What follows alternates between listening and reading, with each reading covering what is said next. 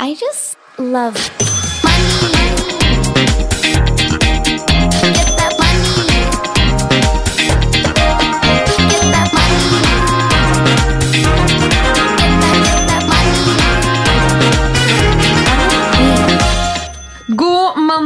Hvordan eh, går det med dere der ute? Fryser dere? Vil dere til Dubai? Hva er ståa? Det er ingen tvil om at det stormer i Influencer-Norge om dagen, men eh, dagens episode skal verken handle om koronaskam eller tannhelse.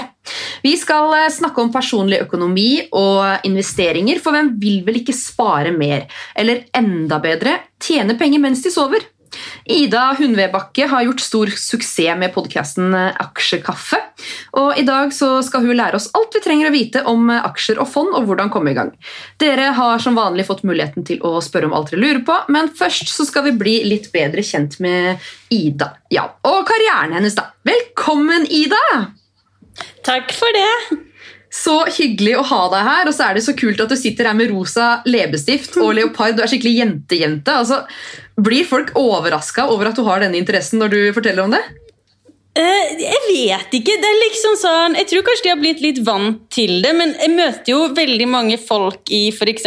finansmiljøet gjennom jobben min, eller med jobben med podkast og aksjekaffe. og jeg ser jo veldig annerledes ut rett og slett, enn mange av de der. da. Eh, Men jeg har inntrykk av at de syns det er kult. Altså, at det er liksom rom for å skille seg ut eh, ganske mye. Og det får jeg ofte tilbakemelding om også, at det er veldig mange som syns det er gøy at man viser at eh, liksom, investorer kan se ut på alle mulige måter. da. Det er ikke én fasit. Nei, for du er For liksom jeg- ikke den Exit-frua. Du er Exit, du. ja, Bare med leopard. ja, og det er veldig Det er liksom sånn For når jeg startet å interessere meg for finans, da, så hadde jeg jo De eneste jeg hadde sett, var jo folk som jeg hadde sett på TV i dress. Det var jo ikke noen andre Det var ingen som så ut som meg. Eh, Og da er det kanskje litt ekstra viktig også at eh, eh, liksom vise at det fins i alle former og fasonger og farger og alt. Nei, men Det er dødskult. For, altså, fortell litt om deg selv. for det første, Hvor gammel er du? Du er jo altså den første gjesten som jeg har i podcasten her nå, som jeg ikke kjenner som personlig fra før av. Eh, Jeg har jo lest meg opp litt om deg, jeg har jo fulgt deg, jeg har jo hørt en del på podden din nå i det siste. Men hvem er du, og hvor kom denne interessen fra?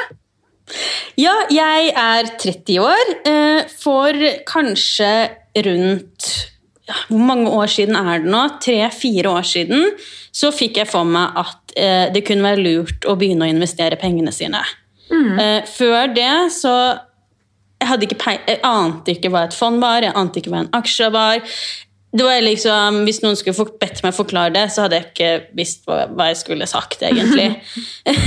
jeg er, en, ja, jeg er opprinnelig utdannet journalist, jeg jobber med kommunikasjon. eh, Og det er min bakgrunn. Egentlig aldri hatt noe med økonomi i det hele tatt å gjøre. Det er jeg vet ikke liksom hvordan din barndom var. da. Vi hadde jo liksom sånn, Jeg ble jo oppdratt til å ha et bevisst forhold til pengebruk osv., men det var jo ingen som snakket om aksjer der i det hele tatt. Nei, vi er jo like gamle. Jeg har ikke hørt det ordet før jeg kom i 20-åra, tror jeg.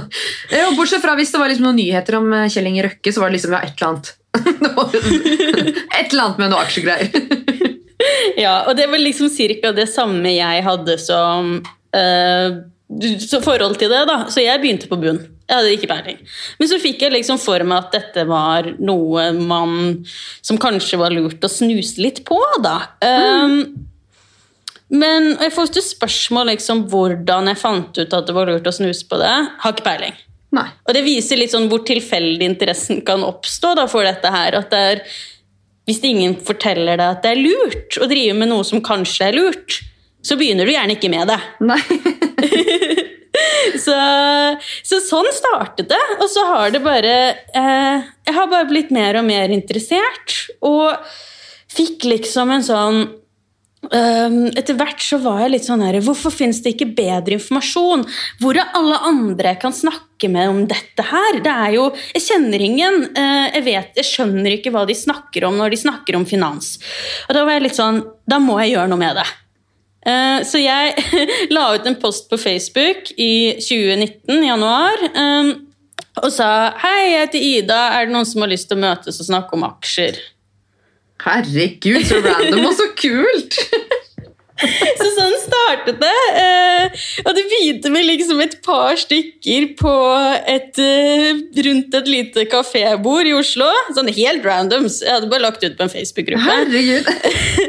Til liksom at jeg har vært med på forskjellige arrangementer der det har vært 800 som har vært med. Og på de seneste eventene jeg hadde på egen hånd, var det nesten 100 som kom. Fy fader, det er girl power! Så sykt kult! Men altså, du sto jo der da på relativt bar bakke. Du, altså, hadde du noen spesielle penger som kom fra et sted som du tenkte at det her må investere, eller tenkte du bare å begynne å ta litt av lønna di, eller? Eh, Jeg har alltid liksom Jeg tror kanskje veldig mange har vært litt sånn som meg. At man har spart opp litt sånn At har, det har vært lurt å spare. Man har satt av litt sånn ekstra penger til sparing hver måned. Mm. Uh, og så hadde jeg liksom en del penger på en sparekonto, da. Um, og det var sånn det startet. Uh, og hvorfor jeg fikk liksom igjen, hvorfor jeg fikk vite at det var lurt å kanskje ha det et annet sted enn sparekonto, aner ikke. Men jeg fikk i hvert fall feelingen av at dette var noe jeg måtte finne ut av sjøl. rett og slett, og finne ut mer om, da. Herregud, det er så kult! Jeg har jo nettopp begynt med det her selv. Og jeg må jo bare legge meg paddeflat i begynnelsen av podden her og si at jeg har ikke så mye peiling som det folk kanskje tror på Instagram. For jeg har plutselig blitt liksom den man henvender seg til for å få hjelp med aksjer og fond. Hva sparer du i? Hva har du investert i? Hva skal jeg velge? Jeg bare, ja, men jeg vet jo omtrent ikke hva jeg har valgt sjøl. så jeg er veldig glad for å ha deg her i dag, som kan eh, ja, lære oss eh, litt om det her. da. Men du eh, er som sagt utdanna journalist. Du har aksjekaffe, men har du noen gang tenkt at du liksom skal bytte felt og bare jobbe med økonomien, eller er det her ren interesse? Jeg vet Det er liksom sånn Jeg syns det er veldig gøy å ha sånn e Det er jo et eller annet med å drive sin egen business, da, rett og slett. Og, og så syns jeg jo dette liksom Når jeg driver min egen business, bestemmer akkurat hva som skal skje der også. Og jeg, jeg vet ikke om jeg liksom hadde vært en født økonom eller lignende. Jeg tror jeg er mer opptatt av bare hele liksom, fenomenet, da, hvis Ja, du ja. skjønner. Eh, ikke nødvendigvis sitte ekstremt masse i Excel. Og det er liksom poenget mitt òg, at man, det er mange veier til rom når man er interessert i det. Jeg har eksempel alltid vært kjempeinteressert i samfunnet rundt meg. Politikk, eh, alt som foregår. Men jeg tenkte aldri på hvor mye det har å si for liksom, økonomien. Da, og, eller hvor mye finans og aksjer og økonomi henger sammen med det som skjer ellers i samfunnet. Nei, Sånn- fordi Når folk sier sånn at eh, Donald Trump trykker 'publish' på en tweet, så kan liksom ting bare gå opp og ned til helvete og alle retninger. Altså Det blir jeg sånn Hæ? Og da er det jo liksom, for markedet, Hvis man ser litt på begynner der, da, hva er det som påvirker markedet? Og Det er jo liksom, egentlig kort oppsummert, mye at folk håper at selskaper som kan tjene mer penger, og at de har tro på at selskapet kan tjene mer penger. Men hvis noe skjer som gjør at det er eh, mindre penger eh, for et selskap å hente, da. F.eks. hvis Trump tvitrer mot Kina og sier at 'vi vil ikke handle med dere', og starter en handelskrig, da kan det kanskje få konsekvenser for bedrifter som er avhengig av å importere ting fra Kina. Eh, Kanskje noen blir redd for at det skal ramme ramme andre bedrifter i andre land osv. At den handelskrigen skal spre seg. Så det er liksom sånn ting Det handler mye om psykologi, da, politikk og egentlig eh, Ja, alt henger sammen med alt, rett og slett. Ja, altså Et sånt veldig konkret eksempel da, som jeg liksom la litt merke til i 2020, det er jo alle de som hadde aksjer i Norwegian. Det er kjipt. det har jeg fått med meg. Ja, og der er det jo Det er jo et eksempel veldig mange har fått med seg at eh, det har, ting, ja, det, har det har fått store konsekvenser for selskapet, og det kan også påvirke aksjonærer, kort oppsummert. Da. Så, men igjen, veldig mye sånn psykologi, eh, hvis man liksom skal oppsummere. Da, det er jo liksom frykt, optimisme osv. osv. Og at det styrer veldig mye. Og hvis det er noe som kan påvirke dette igjen, gjør at selskapet får litt dårligere utsikt, så kan det sende kursene ned. Altså, det, jo, det føles jo ut som å ta fingeren opp i lufta og spille Jeopardy. Det er jo sinnssykt spennende, men altså, jeg har jo blitt helt avhengig av å gå inn i denne appen som jeg bruker, og sjekke saldoen hver dag. Det er jo ikke sunt. Men du blir, det er liksom faren med å begynne å spare, da. At du må sjekke hele tiden, eller sjekke hver dag. Ja, men jeg går jo ned i kjelleren bare hvis det liksom har gått tusenlapp ned. Da, så blir jeg liksom Nei, nå må jeg bare kjøpe ut alt. Og så liksom dagen etter så kan det gå 3000 opp. Så bare, jeg må bare øh, kutte ut. Og det er liksom det som gjør det litt spennende òg. Du vet liksom aldri hva som skjer rundt neste sving, da, hvordan det påvirker. Og det er jo sånn det er jo én ting, sånn hele verdensmarkedet som kan bli påvirket av liksom, hva en eller annen president gjør, eller eh, kriger eller konflikter eller osv. Men så er det jo enkeltting som kan skje i selskapet også. Sånn, oi shit, dette selskapet fikk ikke den avtalen vi hadde venta på. Uh, hva er det som skjer da? Da vil jo det folk tro kanskje at oi, da blir det vanskeligere å tjene penger, og da vil ikke jeg det dryppe på meg da, etter hvert. Så da må vi selge alt. For eksempel, det er sånn, igjen det viser hvor mye psykologi det er inne i bildet.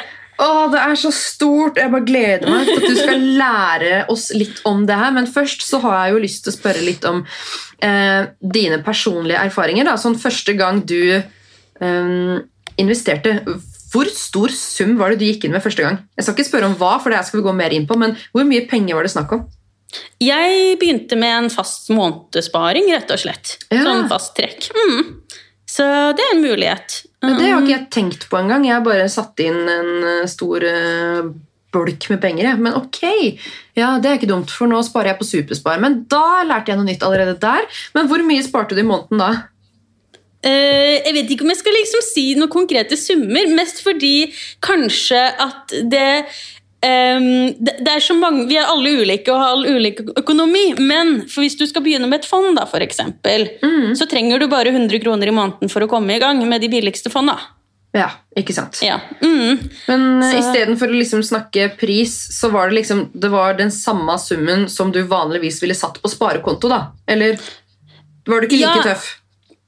Um, det er litt sånn, Hvis det tar mer sånn hva som kan være lurt da, på hvis man skal eh, med ting som skal inn i et fond, f.eks. Jeg tenker jo først at man må ha en Og det har 2020 virkelig vist, at det er kanskje lurt å liksom se litt rundt sin egen økonomi før man begynner, f.eks.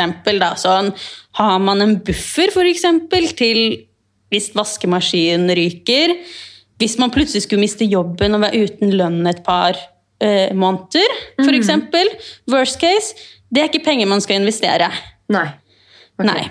Nei, eh, fordi det er, det er Hvis man skal inn i fond, da, så sier jo alle eksperter at du skal ha minst fem år sparehorisont. Så, Ja. mm, så, så det er liksom sånn Se først litt hva du har egentlig rundt deg. og Har man f.eks. høy forbruksgjeld, f.eks.? Er det noe man skal prioritere først? Ja. Det litt sånn, se litt på hva du skal spare til, og hva du trenger penger til, og hvor mye penger du trenger fremover. og lignende. Og så kan du begynne å se litt på fond, da, rett og slett. Og se om du skal gå inn med en enkel sum, eller om du skal trekke fast sparing i måneden. Det er eh, Ja. Så jeg som nå har gått inn med 40 000, jeg ser egentlig ikke noe til de penga før om fem år? Eller sånn anbefalt? Nei, anbefalt. Og det er litt pga. at ting svinger, da. Som du sa, at plutselig har det gått ned, og så har det gått opp, og så er det liksom Ja, at det er Man skal jevne ut litt den svingningen, da. Skjønner. Nei, men da, Nå har vi snakka litt om fond. Da er det kanskje på tide å forklare forskjellene på aksjer og fond. Hva er forskjellen, og hva skal man velge? Eh, ja, det er forskjellen Hvis man begynner med en aksje, da, det er det enkleste. Da kjøper du en liten bit av et selskap.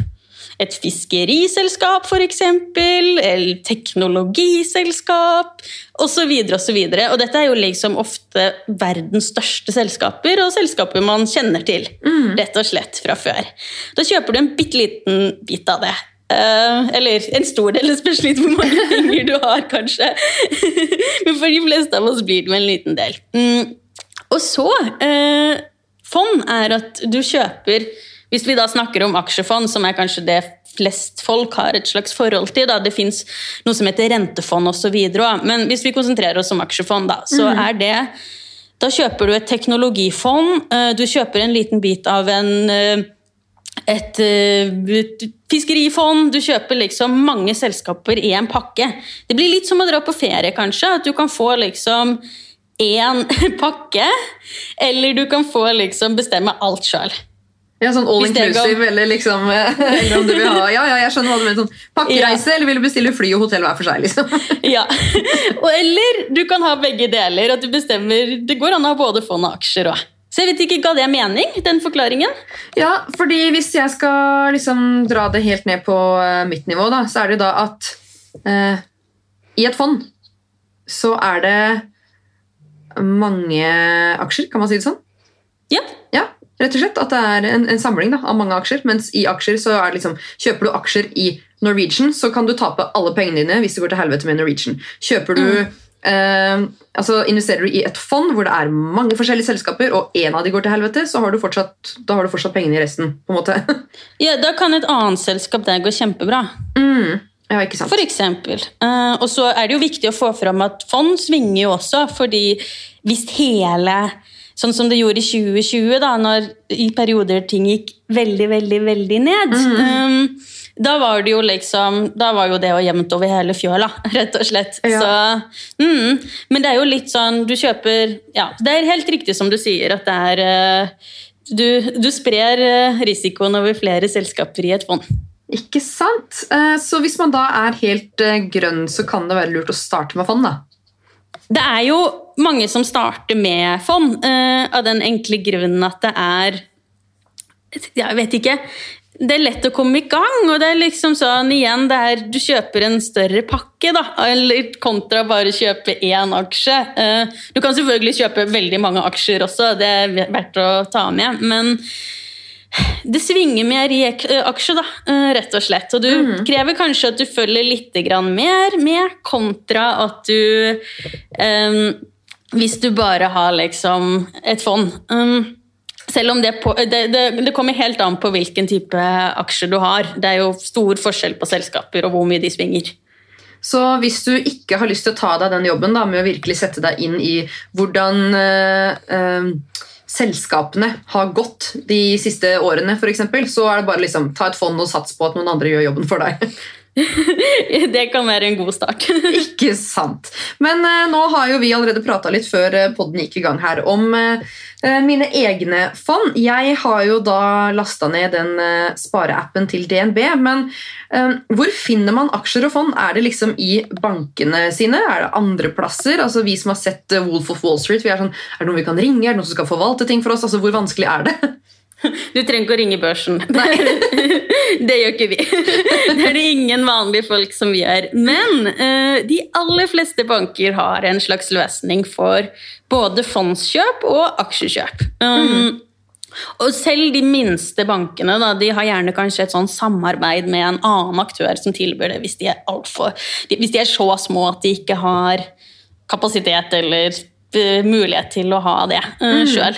In-house så har de samarbeid med andre. Så, så det er veldig mange som bare starter der. Man kan selvfølgelig sjekke priser flere steder, og det er jo veldig mange det er ikke sånn at hvis du har valgt en bank da du ble født, eller at foreldrene dine banker venter for deg, så er det ikke sånn at du må bare ha den. Man kan ha investeringer på en helt annen konto. Men for mange er det kanskje greit å bare starte der man er, rett og slett. Ja, for jeg skjønte jo det når du går inn i nettbanken din, hvis du eksempel har DNB, da, så er det jo rett og slett bare å knote litt rundt på sida der, og så opprett sparekonto, og så er det litt sånn sånn Vil du heller spare i fond og aksjer? Så bare Hæ, kan jeg gjøre det her? og så har de bare lastet ned en app da, som heter Spare av DNB, eller et eller annet sånt, og der er det jo rett og slett bare å overføre penger til ja, en annen konto, da. Som likevel er eh, du, Man kan jo på en måte si at det er din egen, for du kan vel kjøpe ut og få tilbake pengene dine når du vil? Kan du ikke det? Egentlig? Eh, Du kan selge fondet etter én dag hvis du tenker at dette ikke var noe for deg. Det er Bare pass på at det ikke har gått i minus akkurat da, for Ja, ja. da skylder du jo penger. Men, men det er jo eh, man kan ta ut pengene når man vil. Man kan det. Mm. Grunnen til at man sier den femårs, minst femårsregelen, er jo litt for at man igjen skal liksom jevne ut risikoen litt, da, rett og slett. Men, men det er ikke sånn at de er låst i fem år. Det er de ikke. Nei, det er viktig å få fram. Men nei, hvordan du syns det var ganske enkelt? Ja, altså, det var jo bare å laste ned en app, og så bestemme seg for hvor mye penger jeg skulle bruke. Eh, og så bestemme seg for om man skulle sette det i ett fond, eller om jeg skulle gjøre det Er det ikke du som sa at det heter divisjon? Altså At det også heter det der? At du rett og slett bare jeg vet ikke, jeg har i hvert fall snakka med noen eller hørt i en podcast at eh, det kan være lurt å drive divisjon over fond. Altså, Jeg bruker store ord nå, jeg vet ikke hva jeg snakker om. Men jeg Jeg synes Det var litt gøy, for du sendte det til meg på forhånd, og jeg visste ikke helt hva du mente. Nei, jeg sendte jo spørsmålene til deg, men da forstår jeg mer. Da var det sikkert en annen podcast jeg hørte det i. Men i hvert fall det her med å eksempel jeg, da, som hadde 30 000, eh, som Ja. jeg skulle gjøre mm, gå inn i fond med første gang. Jeg tenkte jo da, uten å ha peiling, jeg hadde bare hørt en podcast, at hvis du syntes det var skummelt, så kunne det være lurt å dele det da, på flere fond. de, Det er vel divisere, er det ikke det det heter? da? Ja, Ja. Du deler opp risikoen. Ja, rett og slett. ikke sant? Så det er rett og slett bare ja, ikke sant? matte. eh, Basic matte. Men jeg tenker at når du, når du gjør det, så er det egentlig vitsen med det. Når du uansett setter i fond, og det er såpass mange selskap, trenger du da å dele opp? Det spørs jo litt kanskje fra fond til fond, det må man jo føle litt på sjøl, men det fins jo veldig store forskjell på fond. Sånn som noen er jo sånn de investerer i de aller største selskapene i hele verden, for eksempel. Uh, mens andre kanskje eh, investerer litt mer spesifikt, da. Sånn at de bare investerer i én bransje. Eh, og du forstår forskjellen, kanskje? At det er litt sånn at du em, Risikoen blir litt annerledes da, kanskje, hvis du ja, kontra alle verdens markeder over hele verden, de største selskapene kontra én bransje. Mm. Ja, ja, ja. Absolutt. Uh, og så tilbake igjen til hvor enkelt det var. Så uh, kan man jo gå inn, og så kan man jo se på hvordan uh, det altså det, Kan man si hvordan det fondet har gjort det de siste årene? Er det det det heter? Ja. Eh, Historisk avkastning. ja, ikke sant? Historisk avkastning. Fancy ord. Eh, så kan man rett og slett gå inn og se hvordan det har gjort det det siste året, hvordan det takla koronakrisa, eh, og så se om det er noe for deg. Og så som du snakket om, at man kan se hvor mye det koster å investere i det fondet her, hvor høy risiko det er. og så må man jo da rett og slett ta et valg da, basert på hva man har av kunnskap. Så jeg håper de som lytter nå i løpet av denne episoden her får nok kunnskap til å velge seg det, det fondet de føler seg trygge på. Men når det er snakk om risiko, for med en gang jeg gikk inn i den spareappen, og jeg så på risiko, så er det jo liksom sånne prikker bortover. Sånn 1 til 5 hvor høy risiko det er. Eh, og da tenker man med en gang ok, her er det jo fem prikker, det kan jeg jo ikke finne på. Men jeg har forstått det sånn at um, risiko på en måte betyr noe litt annet i den verden her. Stemmer det? Det er jo Jeg, jeg vil tro jeg, jeg, nå, jeg tipper at de har liksom sett litt på um, For det er jo noen fond som f.eks. bare investerer, som jeg sa, da, renter f.eks., som statlige lån som skal betales tilbake. Det er kanskje en litt annen risikoprofil enn da hvis alt er i aksjer, uh, som eh, disse fondene sikkert du har investert i, har. da. Um, så det er vel sånn de har liksom Det er alltid en risiko i aksjemarked og markedet. Det er liksom viktig å få fram. da. Hvis noen sier at uh, ting er 100 risikofritt, da skal du gå av derfra, rett og slett. så man veit jo aldri. Men det er nok sånn de har sett liksom, sammensetningen. For det er jo noen som både investerer i lån og også um, aksjer, f.eks. Det blir kalt kombinasjonsfond. Ja, Så det er nok sånn de har liksom uh, sett litt. Uh, så tenkte jeg bare skulle si litt om det du snakka om den historiske avkastningen nå. Det kan man jo også se på. Det er jo viktig å få fram at det liksom ikke er en garanti for hvordan ting går fremover, da. Men mange bruker det som en liten indikator på hvordan uh, det har gått hittil. Uh, F.eks. hvis det er akkurat de samme folka som forvalter fondet også fremover, osv., osv. Og det er jo også, som du sier, forskjell på hvor mye det koster. Og det er jo litt med om det er liksom Per og Kari som styrer fondet for deg, eller om det er bare sånn fond som skal gjøre det like bra som markedet. Det er liksom det som kalles indeksfond, som mange sikkert har vært borti. da. Ja, For globalt indeksfond er det mange som sier at det er relativt trygt. Det, det, det som er med et, Relativt. gl et globalt indeksfond, det er hvordan skal, det, det med indeks er litt, Jeg skal prøve å forklare dette enkelt. Det er en slags indikator da, på hvordan et marked går. Og da har de satt sammen Mange av de globale indeksfondene følger noe som heter MC, MSCI, er det vel indeksen heter det. Og da har de satt sammen noen tusen selskaper blant verdens største, og så sier de at disse selskapene skal si noe om hvordan eh, markedet går. Og så er det en slags indikator sammensatt, da. Og de indeksfondene skal liksom ikke gjøre det noe bedre enn den indeksen. Og der er det heller ikke noen som trenger å sitte og analysere eller regne på ting eller lignende, og da blir de billigere. Mens de som er liksom Per og Karis fond, holdt jeg på å si, eh, de har jo liksom de sitter jo og jobber og skal finne ut hvordan de kan slå av denne indeksen. da, på best Per og Kari mulig skal ha lønn. Ja, rett og slett. og så er det jo store liksom, diskusjoner om hva man skal velge av de tinga. Og man ser jo litt, hvis man leser litt rundt og sånne ting, så ser man litt fordeler og ulemper og argumenter for og mot. Så det er jo noe man kan gjøre litt på egen hånd. Men indeksfond er de billigste, rett og slett. Og så er det lov å ha begge deler òg, hvis man f.eks. Ja, et indeksfond, og så kan man ha hvis man er veldig interessert i en bransje eller flere, at man har liksom bransjefond. Det er sånn man finner ut litt sjøl etter hvert, tenker jeg. Ja, for jeg har forstått det sånn at uh, både du og egentlig alle jeg snakka med, og alle podcaster jeg har hørt, og alt jeg har lest, så er det ingen som tør å si noe om hva du skal velge. Det er vel sånn, det må du google deg frem til, det må du finne ut av selv. Uh, for det er jo litt skummelt da, hvis eh, noen investerer masse penger, og så taper de hus og bil og alt, og så står du ansvarlig. Men hvilken strategi bør man følge for å velge det som er riktig for seg, mener du? Jeg tenker Først må man jo liksom finne ut hvor mye penger man har lyst til å investere. Sånn tilpassa etter ens egen, en egen eh, økonomi, rett og slett. Og litt sånn Hva skal man bruke pengene på? Hvor lang sparehorisont har man egentlig på disse pengene? Hvor mye risiko er man faktisk villig til å ta? Og så videre. Så hvis man begynner litt der, da, og så at man også lager seg en plan for hva man skal gjøre hvis det begynner å svinge, rett og slett. Mm. Og ja, rett og slett eh, tør man å sitte rolig i båten, f.eks. Uh, og ikke liksom ta mer penger enn du kan sove. Ikke liksom Investere i ting du skjønner òg, tenker jeg er viktig, rett og slett. At du skjønner hva du har satt pengene på. For det er jo veldig mange ting som liksom, du kan investere i, som er liksom litt vanskelig å få taket på, kanskje. Men det høres forlokkende ut pga. pengene, du kan eventuelt tjene på det eller lignende. Så gjør alltid egen research, og det er litt derfor det er, tror jeg, er viktig å informere deg om det også. At man liksom Man er jo alle ulike. Det er litt som at man skal begynne å trene, eller man skal begynne å Jeg vet ikke. Det er liksom Egentlig alt i livet. da, Man er helt ulike og har ulike utgangspunkt og ulike økonomier og alt mulig, egentlig.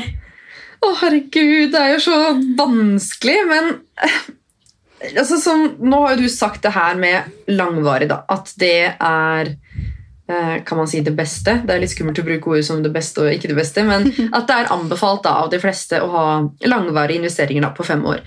Men sånn som jeg nå, som har satt inn 30 000, jeg har nå tjent 8000 på et par uker, er det liksom innafor å ta ut de 38, og så sette inn en ny sum, og så la den vokse, og så ta den ut igjen? Altså, eller er det bare tull?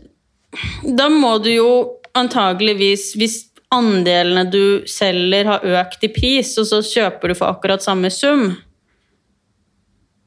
Du må jo regne litt på det, rett og slett. Rett og slett. Ender du på å selge og kjøpe på en dyrere pris for det du har tjent?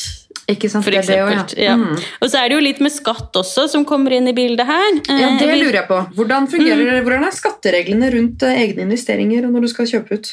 Nei, det er jo sånn at man må skatte på ting man tjener her i Norge. Også når det gjelder eh, investeringer. Eh, Ja. Men vi tror når du oppretta denne fondssparinga di, så fikk du sikkert mulighet til å sette det inn på noe som heter aksjesparekonto. Sikkert. Ja, de fleste har fått tilbud om det. Og det var noe som ble innført for rundt Når var det det kom, da? For et par år siden så kom aksjesparekonto. Um, og det gir deg mulighet til å si at du velger å selge det fondet du har kjøpt, da, fordi du vil kjøpe noe annet fordi fondet du kjøpte, ikke gjorde det så bra, eller, ja, eller aksjer eller lignende. Um, så velger du å selge. Eh, kan, så lenge det er inne på kontoen, må du ikke skatte for noen ting. rett og slett. Men hvis du tar ut hele summen, så må du skatte på det du har tjent. Men ikke på hele summen. Nei, det, det, da går det minus, holdt jeg på å si. I hvert fall jeg nå. Men så jeg som har tjent 8000 nå, da jeg må skatte av de 8000. Eventuelt. Ja. skjønner. Hvis du tar det ut av kontoen din. Mm. Ok, ja, ok, Så hvis jeg bruker de, så de kan stå på i banken min, men, eller kan de bare stå på den aksjesparekontoen? De står på aksjesparekontoen. Så Ja, okay. mm. Nei, men da, ja, Det er sikkert lurt å tenke på det her med skatt.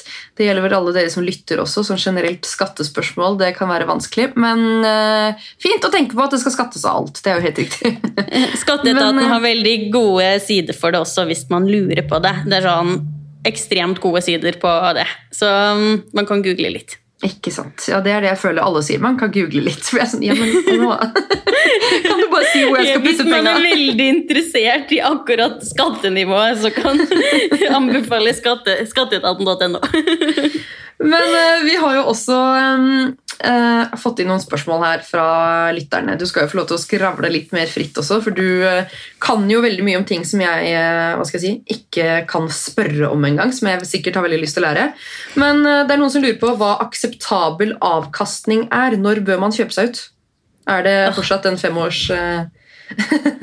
eller går det på sum, eller hva, hva tenker du? Har du kjøpt deg ut, eller bare spare? Eh, Jeg har en sånn langvarig horisont på det meste av det jeg driver med. Så jeg har Ja. funnet ut at det er det som passer for meg. Jeg har eh, to jobber, basically, og eh, masse andre ting jeg driver med, så jeg har ikke tid til å sitte og trade hver dag. Så for min del så har det seg, lønner det seg mest å bare ha en langsiktige briller på det. Jeg er selvfølgelig inne og sjekker litt her og der og kjøper nytt her og der osv., men litt sånn aktiv dag-til-dag-greie, det driver ikke jeg med. Men. Eh, Men hva var spørsmålet igjen? Om når akseptabel avkastning?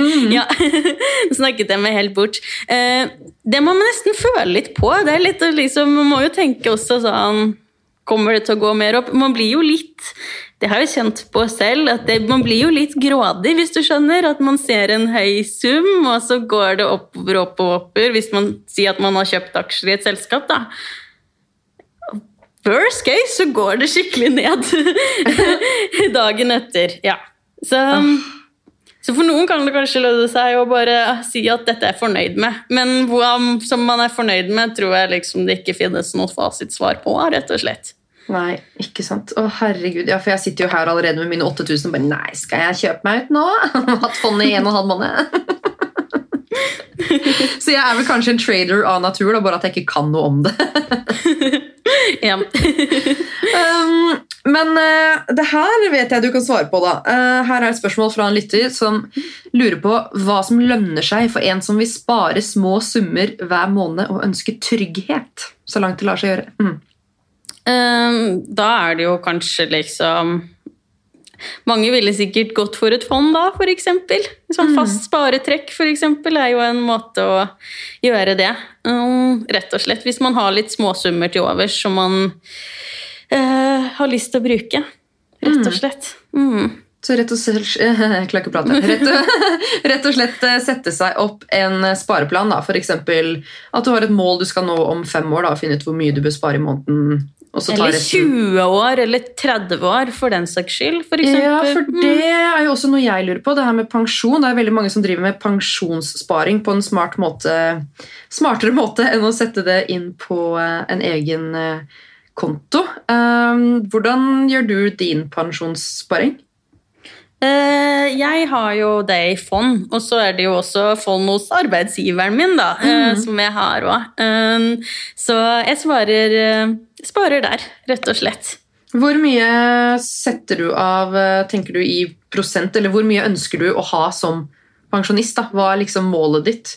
Nå er det jo forskjell på hva folk tjener, selvfølgelig, men Altså, hva tenker du bør være en, ja, en sum man kan godta da, når man går av med pensjon etter å ha spart i fond?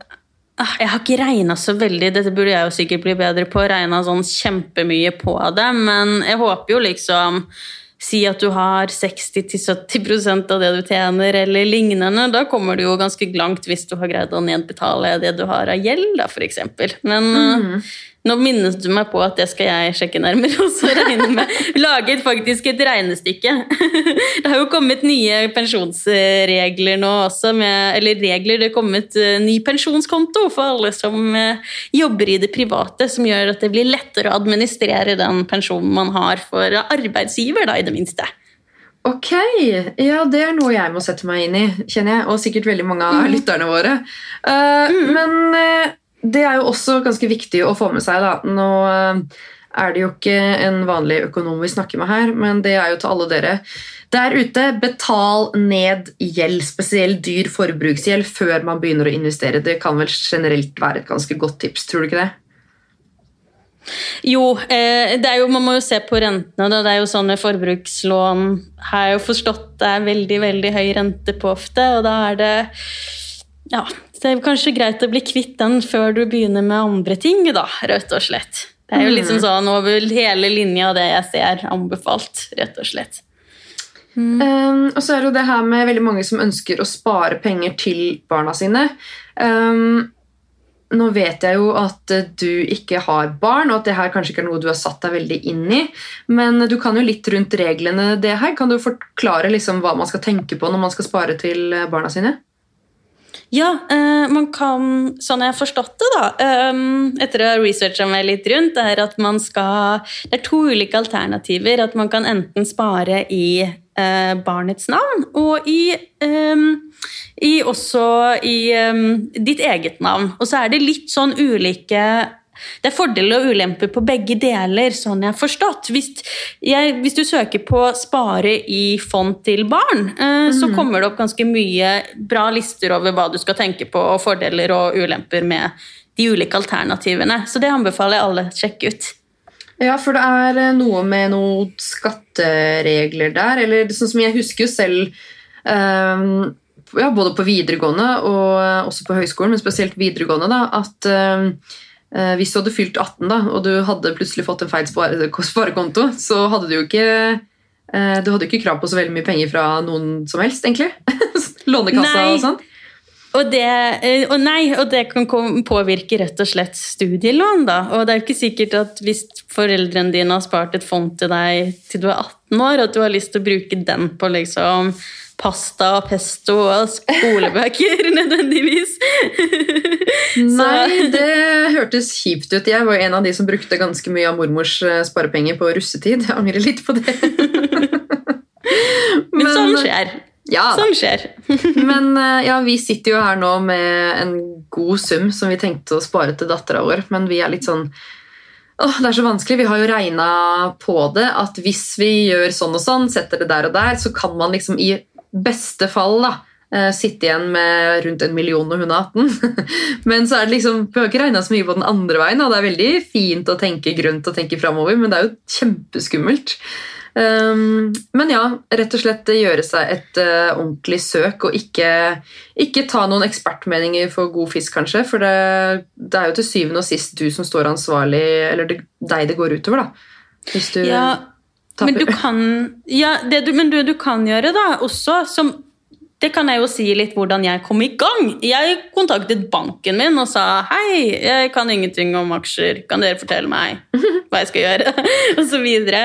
Og det er også en måte man kan starte hvis man vil ha litt sånn individuell økonomisk rådgivning fordi man har jeg vet ikke. Ut ifra sin egen situasjon. Da går det an å ta kontakt med banken. Og så kan man sjekke de tipsa man får der opp mot andre tips man har, osv.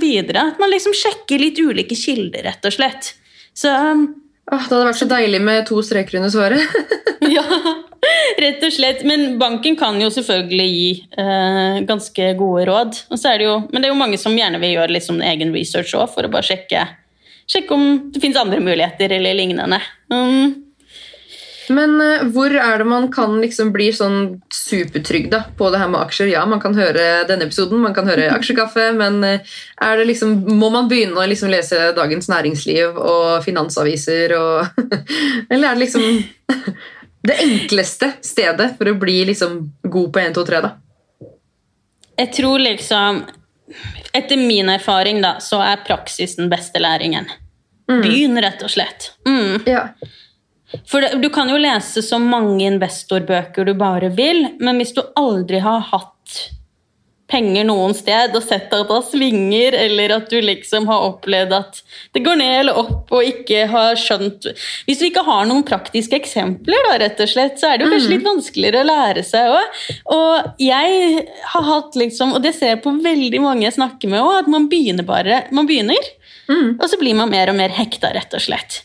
Kanskje ja, man det- begynner med et fond, og så syns man det var spennende, og så kanskje man kjøper et fond til fordi det var et spennende fond man så, og så kanskje man får lyst til å snuse litt på aksjer etter hvert, og så kjøper man kanskje en aksje en gang til, eller enda et aksje, og så en aksje til, og så videre. At det bare baller på seg. Og så blir det liksom sånn man blir litt hekta etter hvert, da. Ja, det kan jeg love deg. Jeg har bare holdt på i noen måneder nå, men herregud, man får jo helt dilla. Eh, Men som du sa, da, eh, for å lære litt praktisk uten å liksom ta på alt, så kan man jo bare sette inn noen hundrelapper bare for å se svingningene, da. Ja, Man trenger ikke å begynne med mye i det hele tatt. da. Det er liksom sånn, Du kan sette inn 100 kroner eh, i måneden og se hvordan det går. Og så kan du ha det resten av livet. Det er ikke sikkert det blir sånn super, supereffekt av det, nødvendigvis, men at du Man trenger jo ikke å gå inn med liksom hele arven og alle pengene man har hatt fra dagen, hvis man er litt redd. Det trenger man jo på ingen måte å gjøre. Mm -mm.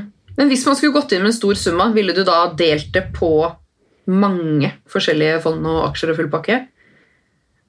Nå snakker jeg liksom stor Kjøpt aksjer Spør for en venn! Hvis man skulle hatt alt Igjen, det er, det er vanskelig å gi noe fasitsvar, for man er jo så ulike. Sånn, jeg aner jo ikke denne vennen din, da, hvor, hvilken risiko den er villig til å ta. Hvilken sparehorisont er det liksom Ja, det er vanskelig å si noe sånn mm. veldig to streker under svaret, rett og slett. Åh, det føles så umulig, men det beste tipset er egentlig bare å komme i gang da, og satse på fond Og før aksjer. deg! Ja. Og det er litt sånn også, er det ikke egentlig på mange ting at man liksom, Det aller beste er jo å kunne lære seg ting, hvis du skjønner, fra liksom bunnen av. da, At man skjønner hvorfor ting Ja, ok, nå svingte det. Ja, men det var på grunn av det. Og sånn svinger det. Eller at man liksom lærer seg mekanikken bak, da, kontra at man bare kjøper noe litt sånn ukritisk. Jeg kan jo dele en liten erfaring fra eget liv, som er var helt fersk. Så kjøpte jeg en aksje fordi jeg hadde lest på en Facebook-gruppe at det var den neste raketten. Jo, ingen research sjøl. Jeg spurte ikke hvorfor tror du det er den nye raketten. Er det liksom ja, Jeg kjøpte helt ukritisk. Dårligste investeringen jeg har. Den har ligget kjempelangt ned på minussida siden det.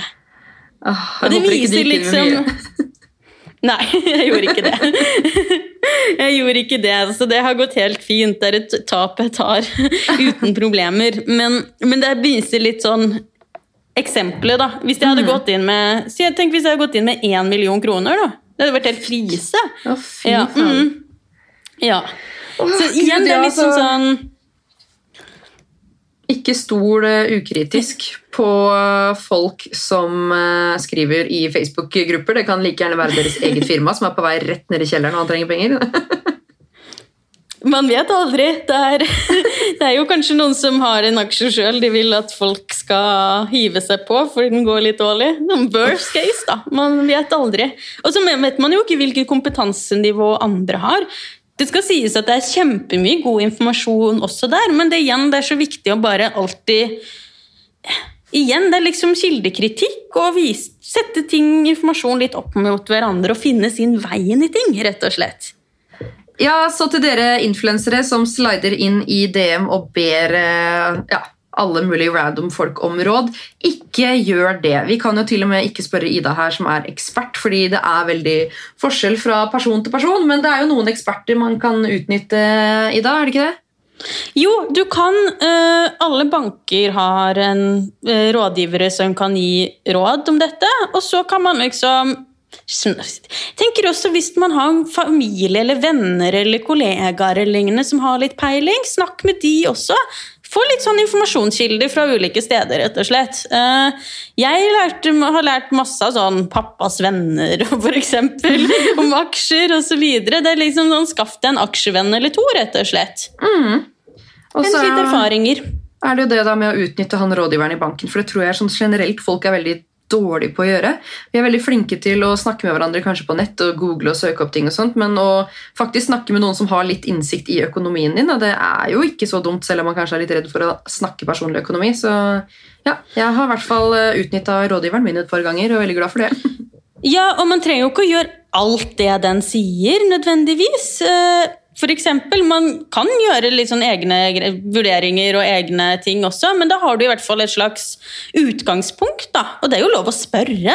Mm. Så velger du sjøl hva du vil gjøre etterpå, rett og slett. Jeg har hatt gode samtaler med mine rådgivere i banken, rett og slett. Om, og de kan jo se på din helhetlige økonomi også. Hvis du er i tvil da, om fond er noe for deg, eller eh, du skal starte, eller om det er noe annet du skal prioritere først, eller whatsoever. Ja, ikke sant? Det er ikke dumt, nei. Nei, så lurt, folkens. Hvis du er litt usikker på hva man skal prioritere, skal du betale ned den og den gjelda først. Eksempelvis så er det veldig god rente på studiegjeld, så betal ned annen gjeld før det. Eh, ja, det litt mye sånn. Ja, Mye råd og tips jeg har fått opp underveis, i hvert fall. Så man er veldig ulike der, og noen velger å selge når det går nedover, andre venter det ut og håper på bedre tider. Og da er det kanskje litt sånn Det handler jo litt om den researchen man kanskje gjør før man kjøper en enkeltaksje også, for man Vi har ikke vært så inne på det, men man kjøper jo selskaper man har tro på av en eller annen grunn, da, fordi man tror at de kommer til å tjene penger på i fremtiden, da, og at man har tro på produktet da, som de produserer, at dette er liksom noe som folk trenger, og som er mulig å selge og tjene penger på. Og et selskap, at selskapet kan utvikle seg, rett og slett. Så når man da, har en fremtid. Så når man da eksempel, sånn som jeg har gjort nå, går inn i spareappen og har kjøpt et fond, da kan man også gå inn i den samme appen og velge aksjer, og så rett og slett bla seg gjennom alle mm. disse firmaene? Ja, det kan du gjøre. Og så er det litt ulik utvalg fra, fra bank til bank, hvor mange aksjer de tilbyr, sånn jeg har forstått det da. Men det er jo, de fleste har ganske mange man kan velge fra, og det er ofte både utenlandske og norske aksjer. Og hvis jeg skal gi liksom en sånn generelt tips fra egen erfaring, da, er jo at man kanskje Det lønner seg å kjøpe noe man skjønner. At du skjønner hva Det er ganske mange selskaper som driver med veldig sånn fancy ting man ikke helt får taket på, kanskje. Uh, men så er det Skjønn hva du kjøper, rett og slett. Uh, rett, ja, og ha tro på det du kjøper. Og så kan man jo se litt sånn rundt seg. Hva er det har man liksom en bransje man har ekstra peiling på? Kjenner man noen som har ekstra peiling på bransjen? Er det noe spesielt man er veldig interessert i? Er det liksom noe man tror har en stor fremtid foran seg, osv.? Man tenker litt sånne i de banene, da, rett og slett. Før man velger. Ja. Så spennende og så skummelt. Ja, og så er det jo hvis, igjen som med fond, er at man liksom Man trenger ikke ha én aksje. Eh, hvis du det handler jo om å spre risikoen igjen. Det er jo liksom sånn, det er forskjell på å kjøpe ti aksjer kontra én, da. Hvis du Eller for alt Kanskje du har kjempeflaks, selvfølgelig, men eh, hvis det er ulike bransjer osv., og, så videre, og i ti ulike bransjer og kontra én, så er det jo litt forskjell i risikonivået, da. Vanligvis, rett og slett. For hvis du kjøper, putter alle pengene dine i en aksje, og de går konkurs, så mister du alt. Ja, ikke sant? Ja. så tenk litt på risikoen og hvor mye man er villig til å ha. Og ikke liksom på aksjer og sånn, kanskje ikke gå inn med mer enn du har råd til å tape. da. I hvert fall ikke i starten når du ikke kan noen ting. Nei, det er jo en generell eh, regel når det kommer til eh, Jeg kaller det gambling, jeg, altså. Men eh, ikke, ikke spill med mer enn du har råd til å tape. Nei, ikke gjør det.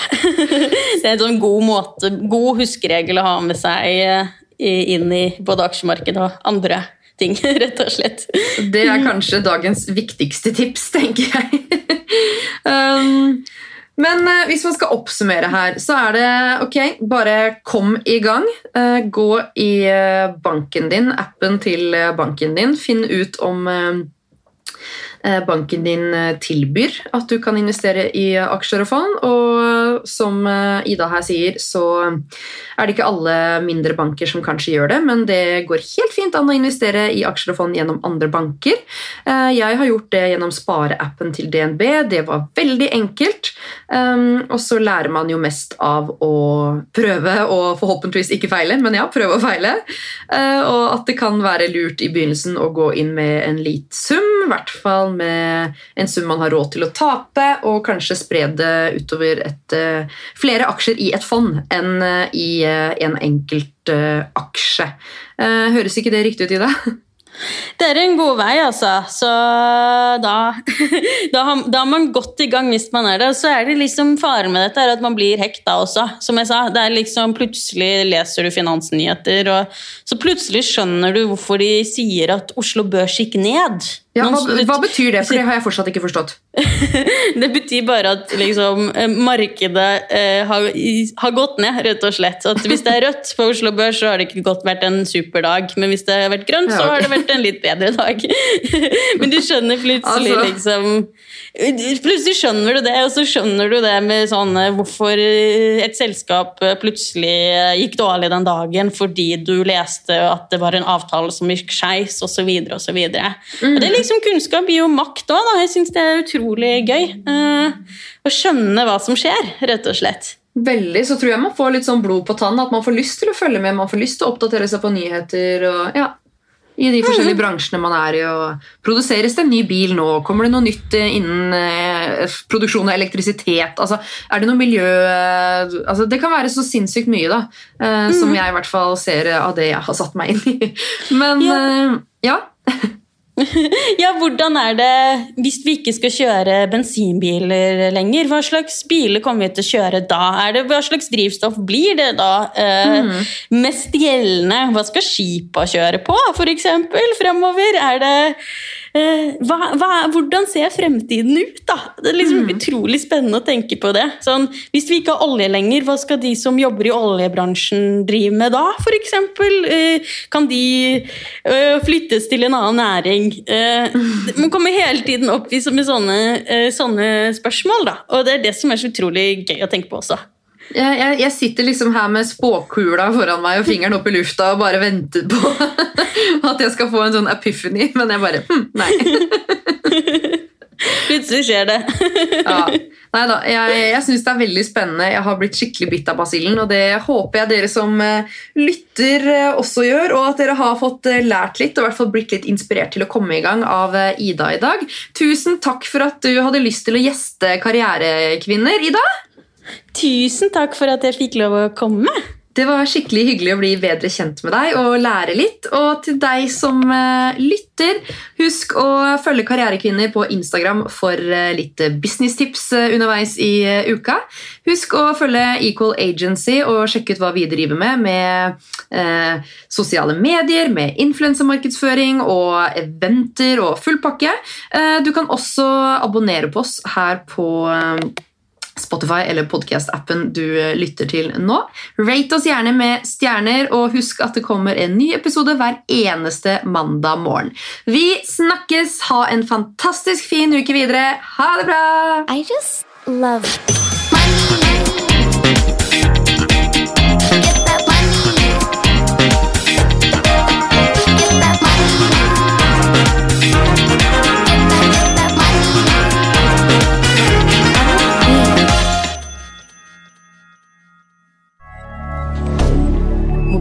Media. Har du et enkeltpersonforetak eller en liten bedrift? Da er du sikkert lei av å høre meg snakke om hvor enkelt det er med kvitteringer og bilag i fiken, så vi eh, gir oss her, vi. Fordi vi liker enkelt. Fiken superenkelt regnskap.